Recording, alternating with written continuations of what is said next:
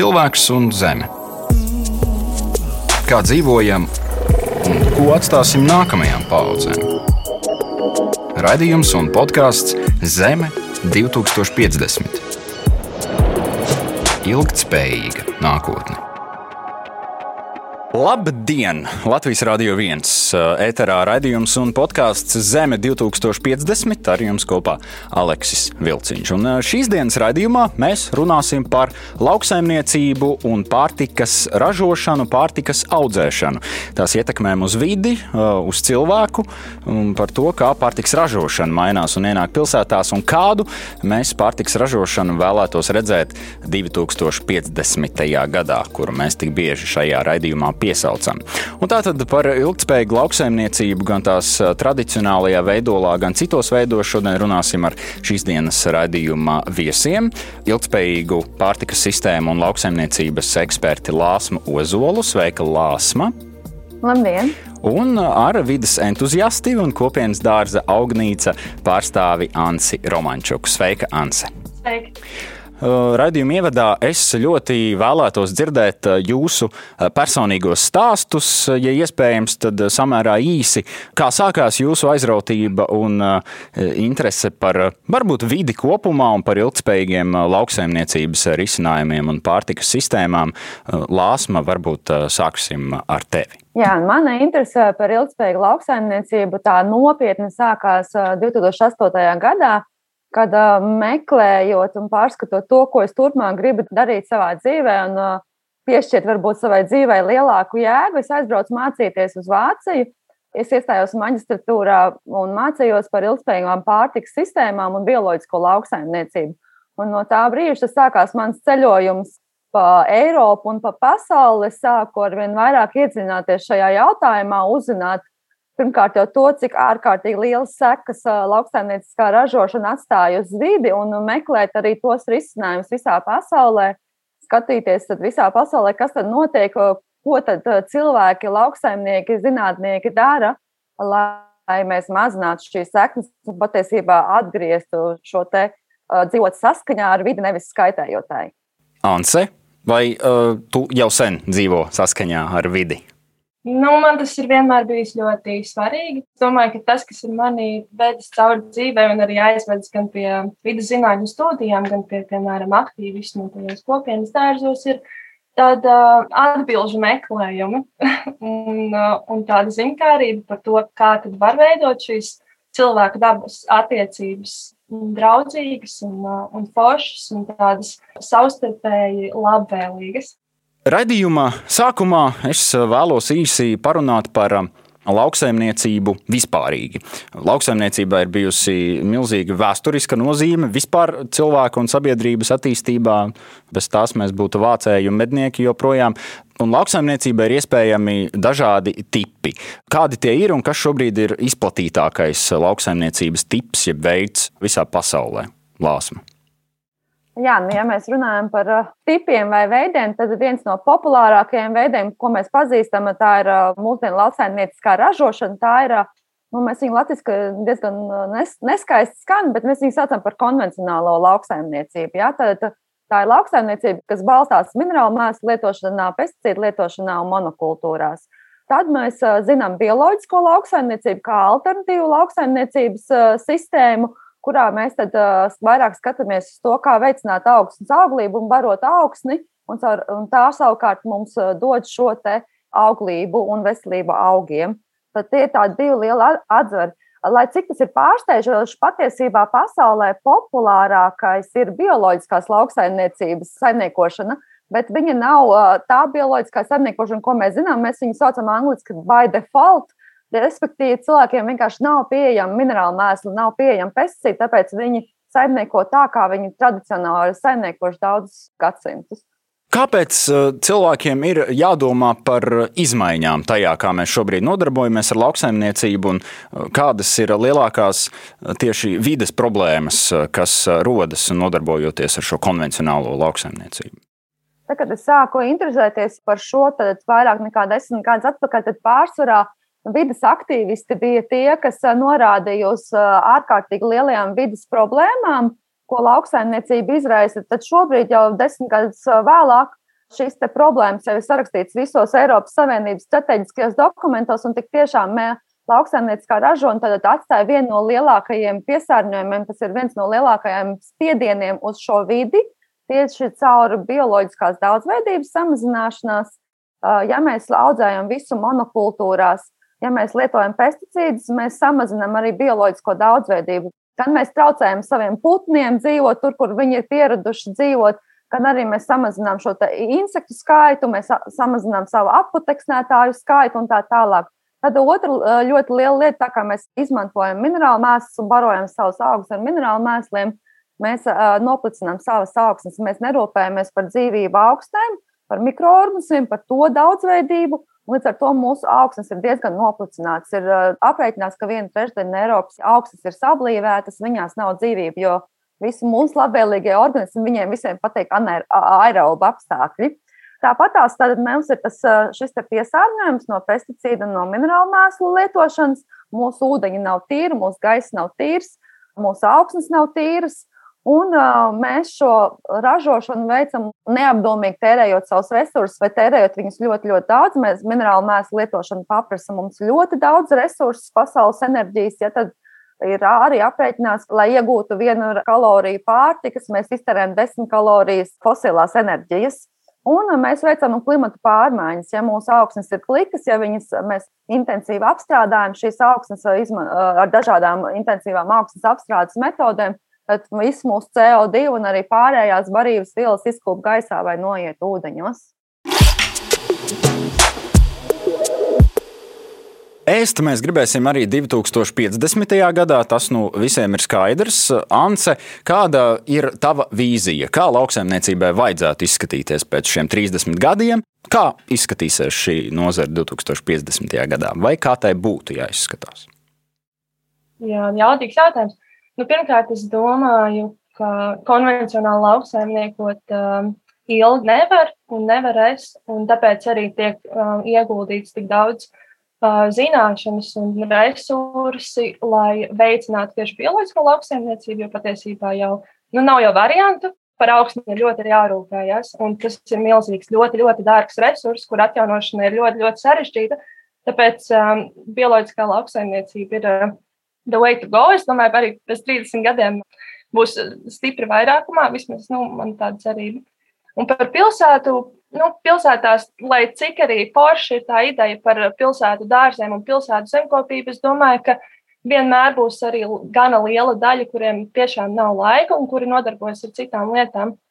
Un neaudzē pārtiku pilsētās, bet tas, ka, kad iespējas audzēt pārtiku tuvāk šiem lieliem apdzīvotajiem tiem, uh, centriem, uh, kas ir pilsētas, es domāju, ka būs, būs vairāk. Nu, tas, tas, to var redzēt patiesībā Eiropā, to var redzēt dārzos ļoti izteikti kāpēc tieši lielajos pilsētās veidojās dārsts un ir nepieciešamība un sabiedrība to pati pieprasa. Tas ir, tas ir vēl viens jautājums par to, tad, kad uh, Latvijā, tad, kad sabiedrībai pilsētās būs, uh, būs vajadzīgi uh, dārsti, tad arī viņi uh, vairosies. Un tāpēc es domāju, arī tas šobrīd notiek jo ir vajadzīga. Par urbāno dārzkopību mēs noteikti vēl diezgan daudz runāsim šajā raidījumā, bet es vēlos ieviest tādu skaidrību, lai esam visi uz vienas lapas par vēl kādu terminu par ilgspējīgu lauksaimniecību. Ko tas īsti nozīmē? Vai mēs bioloģiskai lauksaimniecībai un ilgspējīgai lauksaimniecībai varam likt vienādības zīmi pa vidu? Pēc kādiem kritērijiem mēs varam teikt, ka kāds saimnieko savā saimniecībā ilgspējīgi?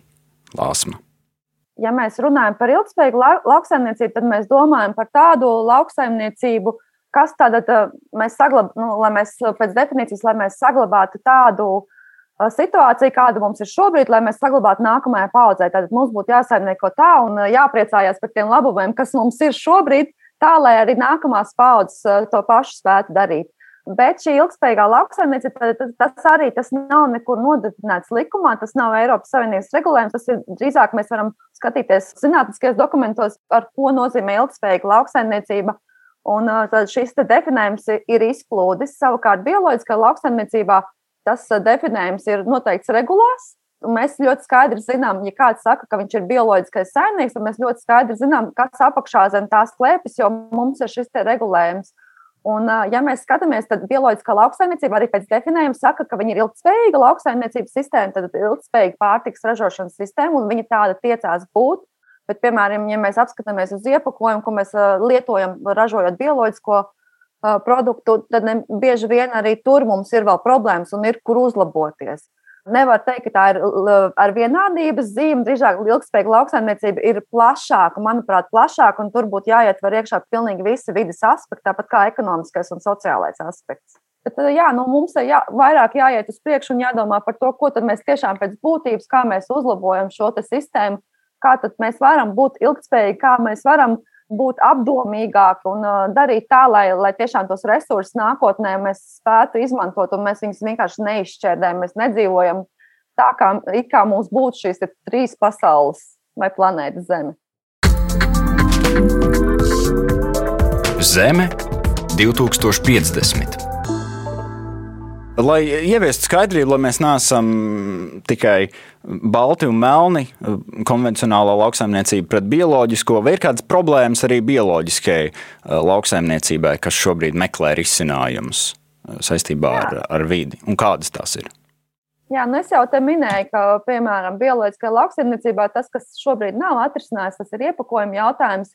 Ja mēs ieejam veikalā un ja mēs gribam nopirkt bioloģiskos dārzeņus, tad vienmēr gandrīz vai jāpērk ir uh, iepakotas. Katrs savā veidā, paciņā, jā. jā.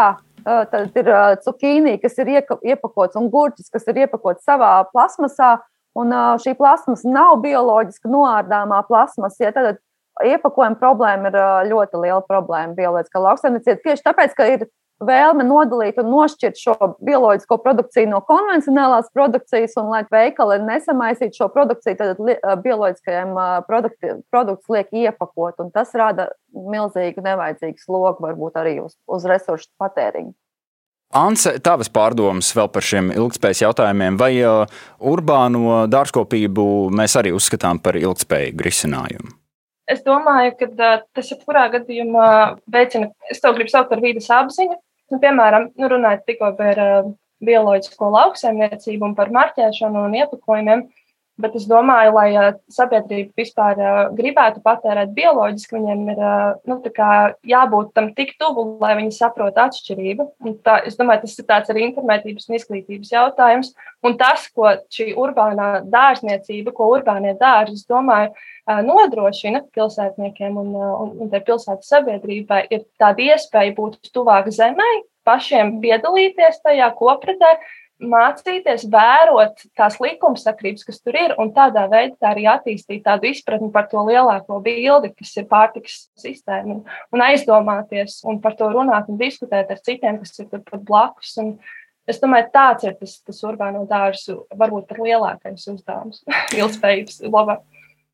Par, jā, nu, tieši jā, gribēju piebilst šo, šo te aspektu, jo Anse pirms tam neminēja, bet manuprāt, nav tik svarīgi, cik daudz mēs spējam saražot pilsētdārzos. Ir ļoti svarīgi tieši šī atpūtas un izglītojošā funkcija, jo mums dzīvo bērni pilsētā, un viņiem nebūs šī saikne ar dabu. Ja mēs nezināsim, kā mēs patiesībā ražojam pārtiku, mums ir ļoti grūti saprast, kādas tad ir mums tās problēmas, kas mums ir problēma, kāpēc zemniekam būtu jāmaksā vairāk par to, ka viņš ražo mm. bioloģisko pārtiku, kādā veidā šī saikne vispār pārtrūkst, un viņa nav. Un, un šī saikne ir ārkārtīgi svarīga. Tāpat tās arī tā dabas klātbūtne.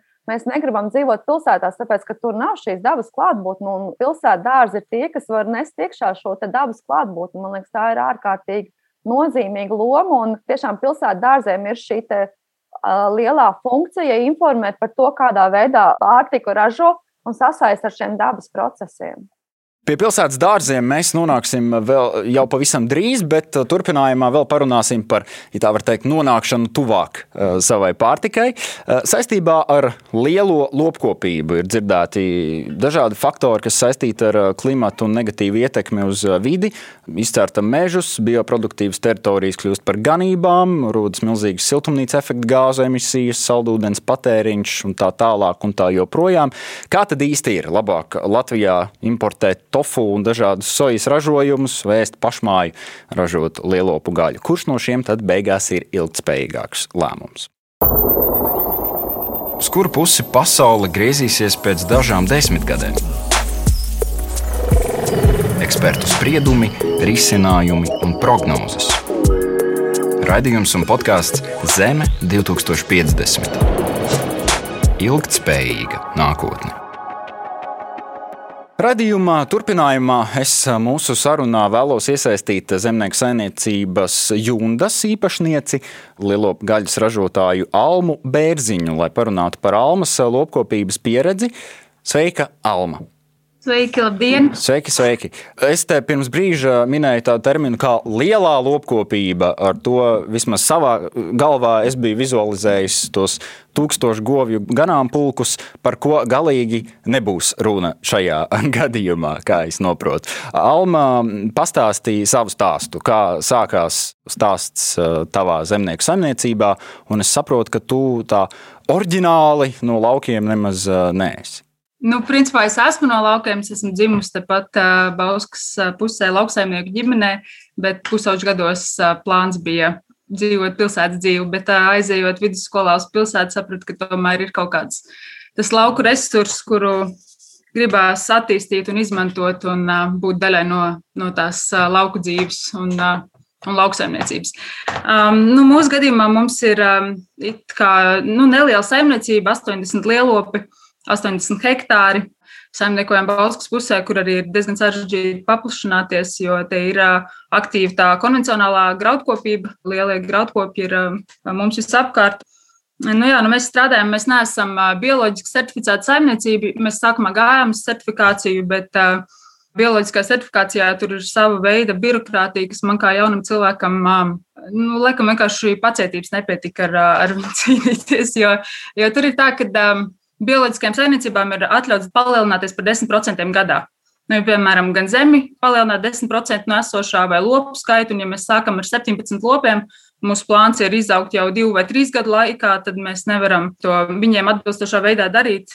Tīri arī nu, tādu it kā mazu muļķīgu ierobežojumu, it kā arī saprotamu ierobežojumu dēļ, bet uh, mums tas viss bija mazliet par daudz, un mēs atteicāmies no bioloģiskās certifikācijas. Bet, um, Šeit man arī gribētos pieminēt, ka kas tad eh, skaitās bioloģisks. Bioloģisks ir uh, produkts, kurā netiek izmantoti nu, tieši no lopkopības puses.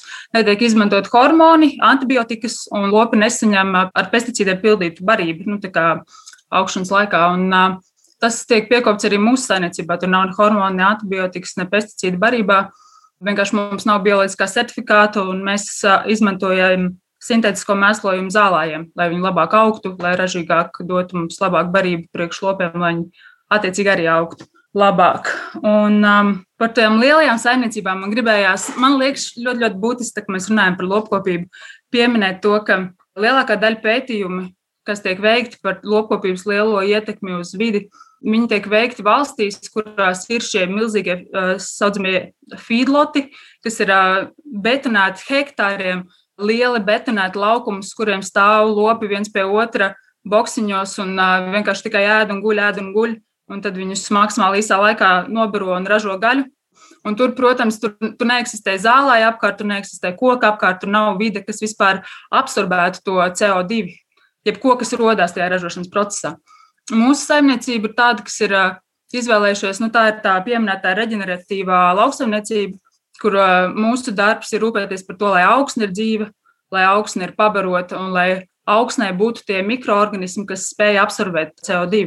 Un tas ir tāds ciklisks process, kur um, lopi saražo to organisko mēslojumu, un viņš tiek izmantots augsnē, ieinvestēts augsnē, lai augsne atkal ražot augus, nu, to pašu zālāju vai arī graudus, un spētu iedot atkal tiem augiem vajadzīgo resursu, lai viņi izaugtu. Nu, tad mums tas ir tāds Mums nu, varbūt nav tas biocertifikāts, bet mēs vienkārši cenšamies strādāt ar to zemes resursiņu, kas mums ir tādā dzīvniekiem draudzīgā un arī augsnē draudzīgā veidā. Biocertifikāts tā tad jums nav, tad es saprotu, ka tas ir viens traks un mokošs ceļš, ja līdz tam nonāk. Nē, nē, ne, nu, varbūt nav tik traki. Nu, es vienkārši nu, neesmu tik pacietīgs cilvēks, ka tagad, ja man ir plāns, piemēram, ka mēs esam ieinvestējuši, nu, salīdzinoši priekš jauniem cilvēkiem lielu naudu, mēs viņu gribam sākt iekustināt trīs gadu laikā, nevis piecu vai septiņu gadu laikā, nu, tad mēs gribam virzīties uz priekšu un nu, izveidot no tā biznesu un no tā arī pabarot savu ģimeni, nevis tikai ķeksīšu pēc kaut ko darīt. Un tikai tērēt naudu tajā visā, jo mums jādara lēni, tikai tāpēc, lai atbilstu regulas prasībām. Nu, mums tas tāds, nu, nu, es uzskatu, ka lauksaimniecībai ir jābūt arī savu veidu biznesam. Viņam nav jābūt tādam, ka tur jāizvelk visu iespējamā naudu no tā lopa vai hektāra, bet nu, tā, ka ģimene ir jāspēj pabarot no tā, ko tu dari katru dienu ļoti daudz un smagi strādājot. Ilgspējīga lauksaimniecība. Alma, ko šis vārdu savienojums nozīmē tev, un uh, uz ko jūs varbūt vēl tiecaties uh, savā saimniecībā, lai kļūtu vēl ilgspējīgāki? Mūsu gadījumā lopkopībā vispār ilgspēja ir saistīta ar ganību izmantošanu un aploku sistēmas izmantošanu ganībās, un mēs to piekopjam. Mums nav pieejams liels platības, bet uh, ilgspējīgai lopkopībā ir ļoti svarīgi, lai nenoplicinātu to augsni, lai um, nerastos apstākļi, ka tur, kur dzīvnieks staigā un ēd, ka tur jau ir noēstas zālēs kā golfa laukumā vai nu, kur ir super īss vai gandrīz jau neeksistējoša zālīte, mēs līdz tam nenonākam. Mēs rūpējamies par to, lai tiem lopiem tas zālājs ir un viņš nepaliek pārāk noēsts. Nu, mēs laicīgi nomainām uz nākamo aploku, un mēs tā kā vienkārši par augstnes nenoplicināšanu rūpējamies. Jā, tā varētu teikt. Tas ir viena lieta, un es arī papētīju, ka pētījumos arī saka, ka aploku sistēmas izmantošana samazina par 22% metāna apjoms, kas nozarē saražojās, jo tad arī nestāvlopi vienā vietā tie kūtsmēsli nav vienkārši viena liela kaudze, bet viņi ir, nu, viņi nokļūst augstnē un cikliski turpinās. Nu jā, nu man, man liekas, ka tā ilgspēja slēpjas izglītotā saimniekošanā un zinātnes izmantošanā, saimniekošanā ka to dara izzinot to, kas ir gan tajā augstnē, gan tajā dzīvniekā un kā tas viss notiek kopā. Nu, mēs neesam vēl nekāda perfektā saimniecība. Mēs vēl arī mācāmies un pētām un vēl izkopjam savus sistēmas. Bet eh, nu, skaidrs ir tas, ka mēs nekad nesiesim dzīvniekus tur pie kaut kādām ķēdēm. Viņi vienmēr ies vasarās ganībās un viņi ēdīs zāles, lobarību, nevis kukurūzu un tam līdzīgs brīnums. Un, jā. Lāsma, Anse, ko jūs vērtīgu sadzirdējāt Almas stāstītajā? Varbūt jums ir kas komentējams vai, vai jautājums tikpat labi. Lāsma. Te var redzēt, kā Alma jau teica, ka katrai saimniekošanai viņai ir savs konteksts, un, un viņa izvēlās to savu saimniekošanas veidu atbilstoši tam, kā viņa jūtās labi. Un tas, man liekas, ir svarīgi, un tas arī rada šīs dažādas ilgspējas pakāpes, un katram ir kaut kas, uz ko mēs tiecamies, un varbūt šobrīd vēl nedarām, bet tas nenozīmē, ka nu, nav nu, skats uz to. Manuprāt, ir ļoti svarīgi tiešām, ka saimniecības skatās uz šo ilgspēju, ka tas vispār ir aktuāls jautājums un, un tiešām izmanto šo zinātni, izmanto citu valstu pieredzi, iedvesmojās un mēģina to izdarīt Latvijā un skatīties, kā tas darbojās Latvijā. Mēs iesākām runāt par šo tēmu, vai vispār dzīvnieku audzēšana ir ilgspējīga. Ja? Vai mēs tādā veidā mēs esam redzējuši ļoti daudz šos Amerikas piemērus, kur tiešām dzīvnieku ražošana ir ļoti neilgspējīga, resursu patērējoša, piesārņojuma radoša un, un neētiska. Tad es uzskatu, ka Latvijā lopkopība var būt ļoti ētiska, ļoti vidēji draudzīga, un patiesībā tas var arī ir ļoti labs olbaltumvielas vielu avots. Tāpēc, ka mēs, apjomi ir mazāki pie mums. Mums ir, es, es baidīšos nokļūdīties, bet aptuveni 50% no lauksaimniecības zemes ir pļavas. Mēs nekad zāli neēdīsim. Mums kaut kas ar tām pļavām jādara. Mums ir jādod iespēja saimniekot uh, zemniekiem Latvijā. Man ir ļoti dīvaini šo teikt, jo es pirms pieciem gadiem no vegetārietes esmu pārgājis par gaļēdāju.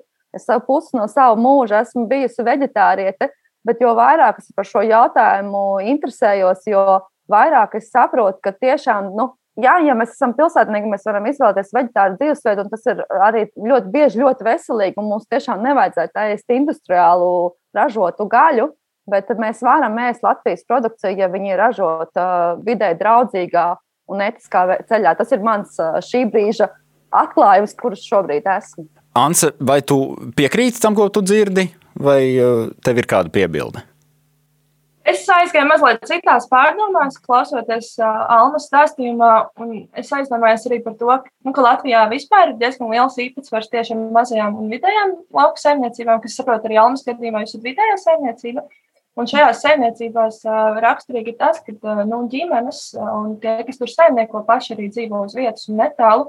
Un līdz ar to cilvēkiem dzīvojot tajā vietā, kur viņi saimnieko, viņi to vienmēr darīs tā ar rūpēm, nu, patiesībā, un ar tādu, nu, es domāju, vismaz lielā mērā tas tā ir, un cik es arī esmu runājis ar lauksaimniekiem, tur tas parādās, ka tie, kuri dzīvo tur, kur viņi saimnieko, viņi vēlas saimniekot, lai tas ir skaisti, lai tas ir poši un lai tā vieta, lai viņi paliek labāk. Un, uh, Par to gaļas ēšanu, nēšanu, nu, protams, viss atslēga ir samērīgumā. un, ja mēs varētu uh, samērīgi patērēt Latvijā normālos, uh, sakrīgos apstākļos audzētu lielopu, tad uh, kāpēc? Šajā brīdī es teikšu lielu paldies Almai Bērziņai no zemnieku saimniecības Jundas. Uh, Alma, lai jums veicas, lai uh, veiksmas ceļā uz uh, ilgspēju jūsu saimniecībā. Paldies, ka pieslēdzies Alma. Mēs dodamies uz priekšu. Es atgādinu klausītājiem un skatītājiem, ka šodien mēs runājam par to, kā top mūsu pārtika. Un tūdaļ no laukiem mēs pārcelsimies uz pilsētu. Ar mani kopā studijā ilgspējīgas pārtikas sistēma un lauksaimniecības eksperta Lāsma Ozola, kā arī vidas entuziasta un kopienas dārza augnīca pārstāve Anse Romančuka. Pēc 30 gadiem zivis okeānā aizstās plastmasas produktu mutācijas. Par to un vidi, ko atstāsim nākamajām paudzēm, radījumā un podkāstā Zeme 2050. Ilgtspējīga nākotne. Aizvien vairāk cilvēku pārceļas uz dzīvi pilsētās, kustība, lai padarītu tās uh, zaļākas, kļūst ar vien skaļāka. Tūdaļ uh, runāsim par vēl kādu veidu, kā to paveikt. Piedāvājam stiprinot arī apkaimju kopienas un arī, uh, iespējams, saīsinot pārtikas produktu ceļu no dobes līdz mūsu šķīvim. Par urbāno lauksaimniecību. Turpinājumā urbānai lauksaimniecībai Pirmkārt, jau pirms šī raidījuma runājot ar uh, Ansi, uh, uzreiz Ansi izķēra manu urbāno lauksaimniecību un jautāja, ko tas īsti nozīmē. Pārtaisījāmies mēs uz urbāno dārzkopību. Uh, arī tā ir varbūt dažādas izpausmes, kopienas dārzi, siltumnīcas uz ēku jumtiem, varbūt arī lokus uz palodas varam uzskatīt par urbāno dārzkopību. Ansē, kādās formās lauksaimniecība vai dārzniecība var ienākt pilsētā. Tu ļoti labi pateici, jā, tas var notikt uz ēku jumtiem, uz balkoniem, palodzēm. Tā vietā, lai taisītu vēl stāvlaukumus Rīgā, varētu tur taisīt dārziņus. Un, un tur nav visur arī jāaug pārtikai, tur var arī augt puķis un nektāra auga, un tur varbūt tās varbūt vienkārši foršas zonas, kur cilvēkam ir ļauts darboties. Tas dārza manifests pilsētā ir par to, ka cilvēkam ir dot, un pilsētas iedzīvotājiem ir dot iespēja darboties un darboties ar, ar zemi un darboties vietā brīvi, jo mums ir tikai Rīgā parki un tās ir tādas mākslīgi veidotas sistēmas. Domāju, tā urbānā dārzniecība šobrīd, nu, tas, tas, kas notiek ar um, tieši kopienas dārstu attīstību, domāju, tā ir lielā mērā tāda izglītojoša izklaide. Un uh, līdz tādai, nu, tādai lielai ražošanai pārtikas, nu, paskatīsimies. Es domāju, nu, tas Rīgā šobrīd ir ir bijusi Lucavsala, un ir bijuši Rumbuls dārziņi un Mešparka dārziņi. Polši ir tur dārziņi, bet tas ir tāds formāts, kas notiek sporta pilsētas dārzos, un kas ir Alnīcā, kad ir pilsētas centrā, jau tā kā sagatavota vide, kur to darīt. Tas ir šobrīd, es domāju, tas ir tāds eksperiments, kā tas vispār attīstīsies, un kā Rīga to paņems un ko viņa to iesāks. Un tad jau mēs redzēsim. Kas ir tās problēmas, kas saistās ar uh, urbāno dārzkopību? Uh, uzreiz prātā nāk uh, piesārņojums. Bērniem bērnībā māca neplūkt zāļu tējas ielu malās. Un, tāpēc, ka to pēc tam nevar patērēt uzturā, droši vien arī kopienas dārsts brīvības ielas malā nebūs tas labākais variants. Vai šis piesārņojums ir problēma? Es par to ļoti daudz arī pati domāju, jo tas, manuprāt, ir lielākais arguments eh, neveidot šo dārstu pilsētā, vai arī tāds lielākā opozīcijas arguments, eh, kāpēc tas nu, kā nav ok, nu, kā audzēt pārtiku pilsētā. Bet, eh, un šobrīd mēs arī to risinām, ievedot augstni no, nu, no ārpus pilsētas, kur viņi ir mazāk piesārņota. Un mēs arī augnīcā šogad plānojam pastādīt, pastarpināt arī fitoremediācijas augus, kas ir tādi augi, kas savā sakņu un augu sistēmā virs zemes Viņi šo piesārņojumu, viņi ļoti ēdelīgi, un viņi no tās vidas viņu uzsūc. Un tas ir vēl viens risinājums, bet, no, protams, tā ir problēma. Nu, cik es esmu lasījusi par piesārņojumu un urbāniem dārziem, nu, ir pretrunīgi viedokļi. Plāsma. Jā, nu, viena no lietām, kuras ar gadiem eju dziļumā un nu, ko es uh, izzinu, ir augsts mikrobioloģija, ja, tad augsts auglība, augsts mikrobioloģiskā aktivitāte. Un tas, ko es zinu par uh, smago metālu piesārņojumu vai piesārņojumu, vispār ir tas, ja mums ir aktīva augsne, tad tas ir komposts, kas ir aktīvs komposts, aktīva augsne, pilna ar mikroorganismiem. Viņi tiek galā ar šo piesārņojumu, šos metālus. Viņi iestrādā tā, tā teikt, organiskajā vielā, un tad, tad šie metāli netiks uzsūkti, auga viņus neuzsūks. Ja? Tad, tad ļoti svarīgi, no kurienes jūs ievedat šo augsni. Jūs, viņu, man liekas, ka jums būs komposts. Es domāju, ka jums būs viss kārtībā. Un otrs ir jāatcerās, mēs pa pilsētu ejam, staigājam. Mums, ja mums nav, ir iespēja bez maskām to darīt, tad mēs, esam, mēs visu laiku šo gaisu elpojam un teikt, ka mēs nevaram ēst to, ko mēs elpojam, ir, manuprāt, arī nedaudz aplami. Tas mums arī ļauj nonākt pie nākamā apziņas līmeņa un domāt par to, kāpēc mums ir vajadzīgi tik daudz mašīnas, tik daudz auto pilsētas mm. centrā. Varbūt mēs varam tomēr veidot savus plūsmas savādāk un veidot šo veselīgo vidi ne tikai tur, kur mēs audzējam vai gribam audzēt pārtiku uh, pilsētā, bet arī elpot, dzīvot šajā pilsētā. Šajā brīdī es uh, mūsu sarunā vēlos iesaistīt uh, vēl kādu viesņu, sporta pilsētas dārzu idejas autori Renāti Prancāni, lai mazliet konkrētāk vēl parunātu par urbānās dārzniecības attīstību tieši galvaspilsētā šeit Rīgā. Sveika, Renāte! Sveiki! Eh, Renāte, ievadā pastāst lūdzu vairāk par eh, šo sporta pilsētu dārzu projektu, eh, kā ideja radās, kādā statusā jūs esat šobrīd un, kādi ir lielie mērķi. Tā, cik daudz laika jums ir? Nē, ideja ir sākusies pavisam vienkārši. Nu, tādā ziņā, ka es dzīvoju blakus sporta pilsētas teritorijai jau vairākus gadus, un pagājušā gada pavasarī, ilgi skatoties ārā pa logu uz šo teritoriju, man vienkārši tas samiksējās kopā ar vēlmi pēc dārza, pēc svaigiem dārziņiem, un tad kaut kāda lēmuma par to, ka vajadzētu pašai savu dārzu, un tad apzinoties savas spējas un to savu commitment, tā teikt, vai es tiešām braukšu uz to lauku dārzu, vai es braukšu uz to lucausalu, vai citiem šiem kaut kādiem tradicionālākiem dārzu veidiem. Un tad eh, saprotot, ka tas nebūs tas variants, apzinoties starptautisko pieredzi, kur ir šie kopienas urbānie dārzi, kas ir eh, tiešām blakus mājai. Tad eh, kaut kā viss kosmosā manī saslēdzās un radās ideja par to, ka vienkārši tas jādara pāri ielai. Un ka tur es arī varētu ierīkot savu dārzu. Un līdz ar to arī pieredzēt arī citiem cilvēkiem. Un tad jau tas process attīstījās ar to, ka Mēs uzrunājām zemes īpašniekus par to, vai viņi būtu atvērti šādai idejai, kas ir ārkārtīgi interesanti, ka man liekas, Tā viena doma arī, kāpēc, kā, ar ko mēs manipulējam un apelējam, ir tas, ka visiem latviešiem dārzkopība ir saprotama. Vienā vai citā veidā, jebkurā sarunās, kurās esmu bijusi, stāstot par šo projektu, dienas beigās katrs man rāda savas balkona tomātu kā, bildes vai kaut kādas citas savas dalās ar saviem stāstiem par to dārzkopību. Līdz ar to man liekas, tas arī tāds, ka tas bija saprotami, tas nebija kaut kas absolūti svešs. Un, un tad zemes īpašnieki, kas ir Igauni, Sijā Roterman, ar kuriem mēs tikāmies vairākas reizes, un kuri mums ir laipni iedavuši vai nodevuši bezatlīdzības īrēšu teritoriju uz trīs gadiem.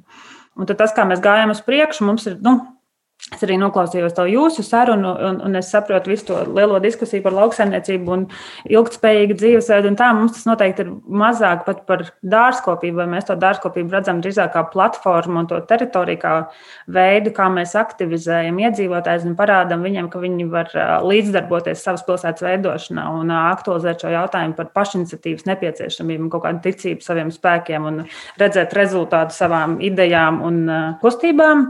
Un tad tas dārsts jau, kā es teicu, ka viņš ir saprotams formāts, tad mēs to redzam tiešām kā tādu platformu, caur ko to praktizēt, bet arī kur mēs varam savest kopā daudz un dažādu vecumu un nacionalitāšu pārstāvis, kurš satiekās seniors, jo viņam tas ir ierasti, un kur atnāk arī hipsters, tā teikt, jo viņš ar urbāno dārzkopību aizraujās nesen. Eh, Renāts, tev ir arī ārvalstu pieredze. Tu esi dzīvojusi, tu esi Amerikas Savienotajās valstīs, labo mani, ja es runāju muļķības. Vai vari pastāstīt nedaudz par pieredzi tur eh, saistībā ar eh, šo urbāno dārzkopību, ja tev tāda tur bija? Vai arī tur mēs to saucam tikai par kopienas izklaidi, vai tur jau arī biznesa modelis ir iespējams no pārtiks audzēšanas pilsētās? Jā, tur ir precīzi. Es uh, dzīvoju divus gadus Ņujorkā, kurus mācījos, un uh, tur es nebiju daļa no neviena kopienas dārza, bet uh, viņi tur ir pa labi, pa kreisi. Visur viņiem ikdienā bija jāiet garām. Tur drīzāk bija tā, ka pie viņiem nevarēja tikt, jo tur ir šausmīgas rindas. Nu, cilvēki kā tiešām ir pierakstījušies un gaida to savu kārtu. Um, tur ir ļoti attīstīts, es nemaldos, ka 300 līdz 500 to dārzu visā tajā Ņujorkā ir. Uh, tur ir arī nu, ļoti attīstīta sadarbība ar pilsētu un pilsētas motivācija aizvien vairāk šādus dārzus atbalstīt viņu ierīkošanos. Teiksim, tā. Bet nu, tā ārvalstu pieredze rāda daudz un dažādas virzienas, kuros tas dārsts var iet. Tas ir dārsts, lai iegūtu pārtiku pašu sev, arī tādas maznodrošinātās grupas. Tas ir jau tādā vairāk lauksaimniecības tipa veidā apgūtu jumtus un teritorijas, kur tiek audzēti dārzeņi, kas tiek pārdot pēc tam tirgū vai tiek nodot mazdrošinātām grupām, jau attīstītas tādas kā vairāk uh, jaunajās tehnoloģijās un zinātnē bāzētas uh, augkopības veidi ar minimalizētu, tā kā minimālu ūdens uh, padēmu. Tā kā tur ir daudz un dažādu veidu, kā arī, protams, kas ir vēl viens, kas ir tādas aktīvismu platformas, ļoti daudz ir attīstīti dārzkopības projekti, kas ir tieši uz jauniešu līderi līderu veicināšanu un jauniešu iesaisti, kas ir tieši caur vidas izglītību un vispār runāšanu un atbildības uzņemšanos. Tādas kā līderības akadēmijas vai arī jau izglītības programmā iestrādāt, arī ka tas dārsts ir daļa, nezinu, vai nu no dārza, bērnu dārza vai no skolas, kur arī tās klases rūpējās. Tā kā tur ir daudz un dažādas opcijas, kurā tas attīstās. Jā. Lāsma, vai tev vēl kas ir piebilstams par urbānu dārzkopību? Kā tā ietilpst ilgspējīgu pārtikas sistēmu lokā? Jā, es tieši domāju, ka, kā Renāta atbildēja, un tas sapratu, ka īstenībā jau pasaulē jau tiešām tie piemēri ir, ka tās var būt pelnošas saimniecības. Saimniecības gan ļoti grūti iedomāties, jo mūsu kontekstā mēs iedomājamies tiešām lauku saimniecību, jā, bet tā pašā Amerikā un Kanādā, protams, tur ir zemes platības, tīpaši, kas attiecās uz dažādu zaļumu audzēšanu, dārzeņu audzēšanu. Tas ir ļoti daudz piemēru, kuri ļoti veiksmīgi darbojās maza, mazās platībās, tiešām audzējot arī tirgumu, jo mums Latvijā vēl vietējs, vietēji izaudzēts, izaudzēta pārtika nav ekskluzīva, bet ļoti bieži ārzemēs tiešām kvalitatīva vietēja bioloģiska pārtika ir ekskluzīva, un tāpēc arī ir šīs rindas uz urbānajiem dārziem, un ir arī pieprasījums pēc pilsētā ražotas produkcijas. Mums Latvijā varbūt tas varētu būt pat aizspriedumi par to, o, pilsētā audzēts fuj, nu nē, nu tā kā maigi no laukiem. Tad ārzemēs tāda aizsprieduma noteikti nebūtu. Tur būtu superīgi ir bioloģiskā produkcija, piemēram, kas tiek audzēta pilsētā. Vai mēs uh, ar urbāno dārzkopību nodarbojoties kaut ko uh, uzlabojam arī vides aizsardzības kontekstā, vai mēs runājam šeit par vidi kaut kādā veidā? Ko mēs uzlabojam, ja uzlabojam? Man ir viena doma par to, ka tas, kas ir ur, urbānais dārsts, viņi ir ļoti, ļoti, ļoti dažādota sistēma. Jo tur, nu, pieņemsim tādu sporta pilsētu. Tā ir milzīga teritorija, kas ir, nu, ir sadalīta šie posmi cilvēkiem, un katrs tomēr saimniekos vai audzēs savā, savā daļā kaut ko mazliet citu. Un, uh, nu, priekš dažādiem kukainīšiem un priekš dažādiem, dažādiem uh, dzīvnieciņiem. Tas ir, uh, ir ļoti plaša vide, kur ir šī dažādība. Tas bija tāds pirmā, nu, tā dažādotā sistēma, ir, man liekas, uh, ļoti liels plus. Tātad bioloģisko daudzveidību mēs varam tieši pilsētās veicināt šādus projektus ieviešot. Par augnīcu mums noteikti ir jāparunā. Pašā sākumā mēs augnīcu pieminējām, Anse, vai tu vari mums vairāk pastāstīt par šo projektu? Agnīts ir tāds vidus zinātnes studentu uh, eksperiments, es to saku. Pagājuši, kad uh, mēs, uh, mums bija iespēja Rīgas laikmatīgās mākslas bienāls uh, ietvaros, tur bija tāda Rīboka divi Andrei salā, un viņi mums deva iespēju izmantot zemi uh, tādu urbānā dārza eksperimentu izveidai, ko mēs arī uh, izdarījām ļoti īstā laikā ar ļoti, ļoti maz resursiem. Un tā atsaucība bija tik liela, tā resonance tev bija tik liela un tik forša, ka mēs sakām, ka, ka, ka iespējams, ka tas ir jāturpina. Un tad mēs tagad šajā sezonā, šajā pavasarī, Andrēs Zemes īpašnieki mums piedāvāja mazliet nu, citu zemi. Mēs nevarējām palikt tur, kur mēs bijām iesākuši, bet mums piedāvāja uz diezgan izdevīgiem nosacījumiem citu zemes gabaliņu. Un, uh, un tur tagad viss ir jāsāk no nulles. Mēs esam, uh, arī, esam arī, arī izsludinājuši pieteikšanos. Ļoti daudz cilvēku izrādīja, nu, ļoti daudz, 40 cilvēku izrādījuši interesi iesaistīties. Tad mums tūlīt arī sestdien būs pirmā tikšanās reize, kad mēs kopīgi domāsim, ko ar to iesākt un kā to lietu veidot. Un mums arī ļoti interesanti, jo tas, ko mēs esam izdarījuši, mēs esam tikuši pie šīs platformas. Un mēs gribam maksimāli uh, uzklausīt un saprast, kas ir tas, kas tai vietai apkaimē un tam līdzniekam, kas tur grib darboties, ir vajadzīgs. un, un, un ko viņš no tā visa grib iegūt. Un tad uh, likt to visu kopā un jau veidot to vidi kopā. Un tā kā jā, priekšā ir liels un tāds ļoti interesants uh, eksperiments. Es to saucu par eksperimentu joprojām. Un cilvēki, kas iespējams grib iesaistīties jūsu eksperimentā, var meklēt jūs augšā, piemēram, Facebook un dot jums jā. ziņu. Jā, jā. To jūs Lūdzu, atļaujat. Visi, kam ir interesi. Okay. Ļoti labi. um, kopienas dārzi nav gluži tas pats, kas mazdārziņi. Pēc uh, jūsu izteikumiem to es noprotu. Uh, ko mēs darām ar visām tām mazdārziņu teritorijām, kas šobrīd ir degradētas? Daudzas no tām tāpat varētu teikt. Kā mēs tās varam atdzīvināt, vai tās nav jāatdzīvina? Ko mēs darām, mēs zinām. Mēs, mēs viņus izmantojam, lai attīstītu nekustamos īpašumus. Bet Vai mums to vajadzētu darīt? Eh, noteikti nē, jo mēs pēc gadiem, 2050. gadā noteikti meklēsim iespējas, kurā vietā veidot šos te urbānos dārzus un, eh, un mazdārziņus.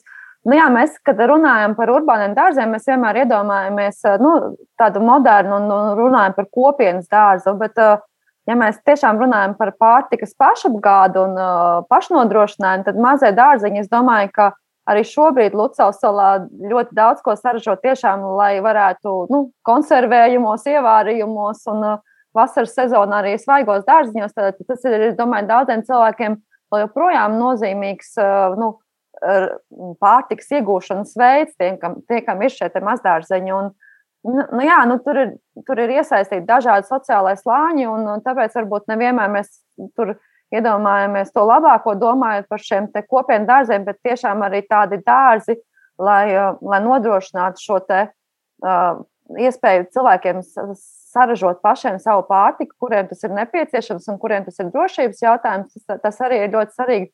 Ideāli, ja mēs spējam to visu integrēt un tiešām veidot šīs kopienas, kurās visas sabiedrības daļas ir iekļautas.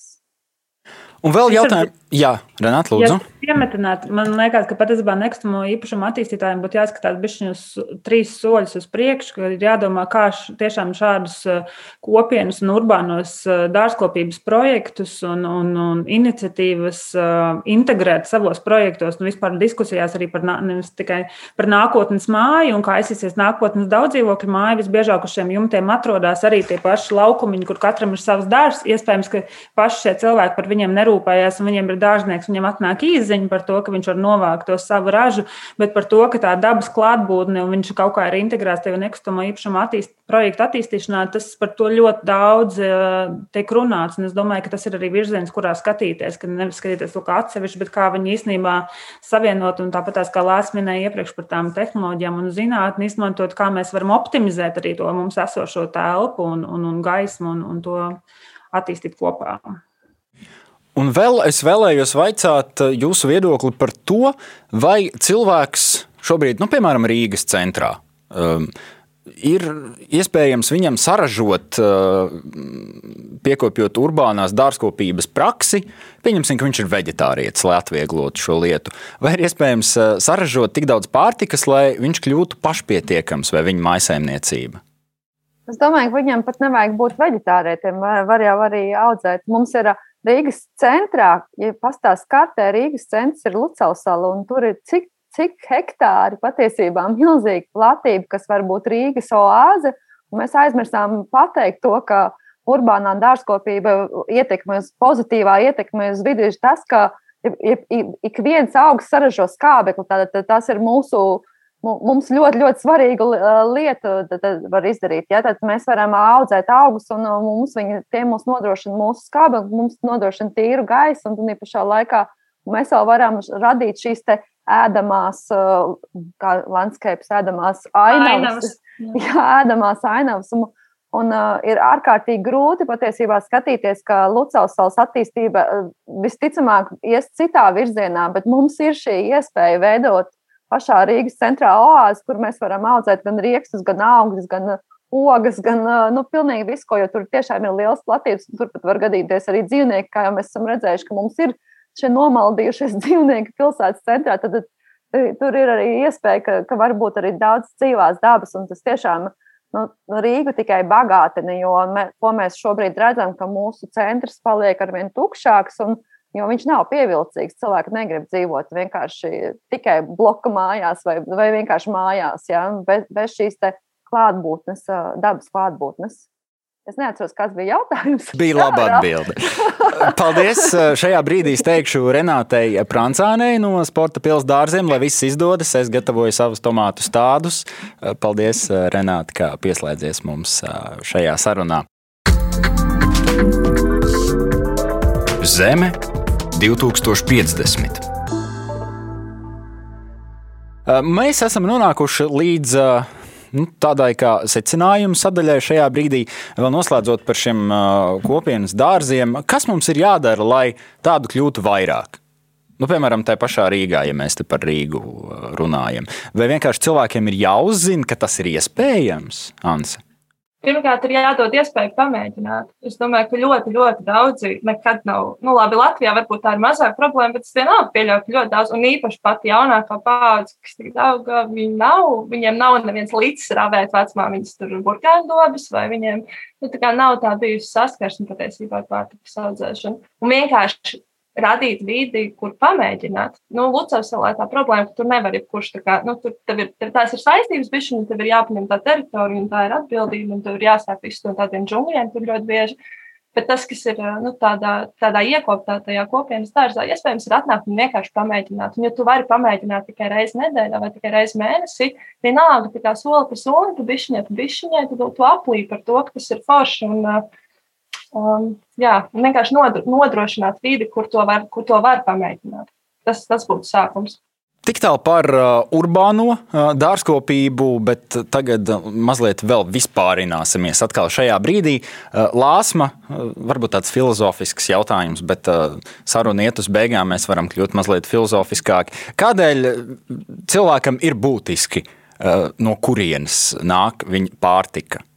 Te var runāt arī par, piemēram, veselības aspektiem. Jā, nu viens no bioloģiskās lauksaimniecības tādiem pamatlicējiem ir teicis, ka augu, dzīvnieku, cilvēku un planētas veselība ir viena un neatdalāma. Mēs nevaram vienkārši būt ignoranti par to, ko mūsu pārtiks ražošana nodara gan vidēji, gan, gan so, sociālajām lietām. Ja, tad mums ir par to jādomā, un ja mēs gribam jo vairāk mēs domājam ne tikai par sevi un savu veselību, bet nu, tieši to vietu, vietu nu, mūsu vietu šajā pasaulē un kā mēs varam iedarboties ar to, iedarboties ar to kas notiek mums apkārt. Mums ir jādomā par to, kādā veidā mēs ražojam pārtiku. Lāsma, tu mums vari pastāstīt arī par kādu pasākumu uh, ar nosaukumu Greenfest kas notiek, mm -hmm. kas notiek Siguldā, zaļajam dzīvesveidam veltīts. Jā, es varbūt pašā sākumā aizmirsu pateikt, ka es cenšos būt tikai savā profesionālā darbībā, darīt lietas, kas ir saistībā ar bioloģiskās lauksaimniecības attīstību Latvijā, bet es esmu arī sociāli aktīva persona un mēģinu iesaistīties gan informatīvos pasākumos, gan pasākumu organizēšanā kuru mērķis ir ilgspējīga dzīvesveida popularizēšana, jeb mēs saucam to kā zaļā dzīvesveida popularizēšana. Un jau vairākas gadus esmu kopā ar Doma vietu grupu veidojam tādu pasākumu Siguldā, zaļās vilas te teritorijā. Un tad šis te ir festivāls, kurā mēs runājam par dažādām interesantām arī nu, zaļā dzīvesveida tēmām. Un šogad šis festivāls atkal būs, manuprāt, okto, oktobra sākumā vai septembra beigās. Un visi laipni aicināti, sekot līdzi informācijai, varēsiet piedalīties šajā festivālā. Šogad mēs plānojam paplašināt tēmas, kā piemēram uz ekobūvniecību. Tad vispār mēs gribam, lai ir tāds festivāls Latvijā, kur tu vari aiziet un iegūt ļoti daudz uh, idejas un uh, iedvesmas, kā mēs varam uzlabot, uh, uzlabot un būt zaļāki, tad kā mēs varam piekopt šo zaļo dzīvesveidu.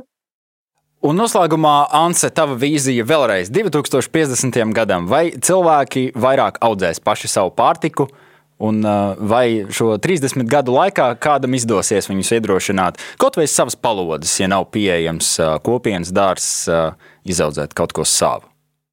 Jā, kad, es, kad es biju maza, un es domāju, maza, es domāju par kā, nu, par pasauli, par, to, nu, par vidas problēmām un to, kā tas viss, kā tas viss varētu attīstīties.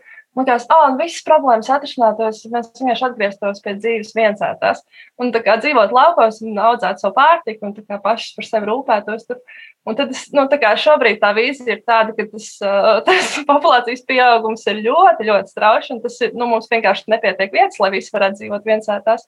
Un tad tās pilsētas ir jāveido, nu, tad tam pilsētas dizainam ir jāiekļauj, jā, jāparedz vieta arī zaļajām teritorijām, kurās, kurās ir iespēja audzēt pārtiku. Tas, kā tas attīstīsies, ir, es domāju, zin, kā pārmaiņas, pārmaiņas notiek tad, kad sabiedrība tam ir gatava.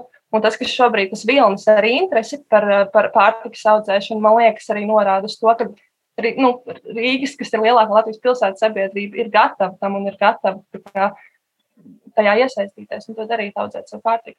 Varu tikai novēlēt katrai apkaimei, gan Rīgā, gan, gan citās lielajās pilsētās, katrai savu kopienas dārzu, piemēram, Es skatos uz jums, avotu apkaime. Es zinu, ka jūs varat. Uh, pēdējais jautājums cilvēkiem, kas neko negrib audzēt, viņam ne acu galā negrib redzēt nekādus stādus un neko. Viņi tikai grib nopirkt. Bet viņi grib nopirkt labu produktu, uh, bioloģisku pārtiku. Kā mēs tādu atšķiram un kur mēs tādu meklējam? Vai tikai tirgū, vai arī tomēr mums visiem zināmajos lielveikalos mēs varam pie bioloģiskas pārtikas tikt uh, lāsma? Jā, nu šobrīd jau, ja kādreiz vajadzēja bioloģisko produktu meklēt specializētos tirdziņos, eko veikalos vai arī jautāt tirgū, tad šobrīd mēs arī lielveikalā varam nopirkt bioloģisko pārtiku, bet visbiežāk viņa nebūs ražota Latvijā. Bet tas arī nekas, jo arī citās valstīs ir jāsaimnieko ilgspējīgi, ja, un ja mēs esam pieraduši, mēs esam izlutināti, mēs, mēs gribam ēst daudz dažādu produktus, mēs varam atbalstīt arī citu valstu ražojumus. Un, jā, nu, ja mēs, kā mēs varam atšķirt bioloģiskos produktus, bioloģiskiem produktiem visiem ir jābūt konkrētam marķējumam. Tas ir tā zaļā lapiņa ar Eiropas Savienības karodziņu, tā zaļā lapiņa, nu, kas ir ar Eiropas Savienības zvaigznītēm. Ja? Viņa vai nu ir zaļa, vai viņa arī var būt melnbalta, ja? bet tad visiem jā, jāiemācās, kāds ir eko logo un jāiet uz veikalu, jāmeklē šis bioprodukts. Ļoti bieži arī lielveikalos šo bioprodukciju norāda jau uz, uz cenu zīmītes virsū. Un, nu, tad, protams, jā. mums ir arī dažādi veidi, kur mēs var, varam nodibināt. Mums ir novada gāša tāds, piemēram, tīmekļa vieta, kur mēs varam meklēt pat tiešo jau bioloģiskās saimniecības. Mēs varam pievienoties tiešās pirkšanas kādam pulciņam un iegādāties pārtiku tur no bioloģiskās saimniecības Latvijā. Un tad varam tikai cerēt, ka pienāks diena, kad uh, katrs no šiem ekoloģiskajiem dārziņiem nebūs vēl arī savā plasmasas iepakojumā. Ticis iekšā. To Jā. es novēlu uh, mums visiem. Uh, tas, ko mēs varam paņemt no šī raidījuma, ir būtiski zināt, no kurienes uh, nāk mūsu produkti, kurus mēs patērējam un kā tie ir ražoti. Un es gribētu teikt, ka it īpaši Latvijā, kad visi mēs esam viens otram patiesībā tik tuvu, un mums ir tik ļoti vienkārši noskaidrot, kur tad šis tomāts vai kur šī, no kurienes šīs vistas stilps ir nācis. Šajā brīdī es teikšu paldies uh, šī uh, raidījuma viesiem, Almai Bērziņai, Renātei Prancānei. Paldies arī šī raidījuma ekspertēm, Lāsmai Ozolai un Ansei Romančukai.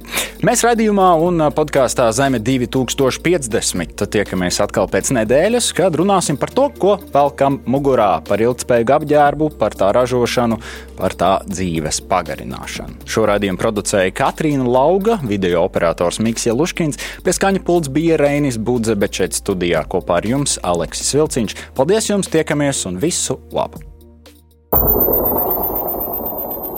Cilvēks un zeme. Kā dzīvojam un ko atstāsim nākamajām paudzēm? Radījums un podkāsts Zeme 2050. Ilgtspējīga nākotne.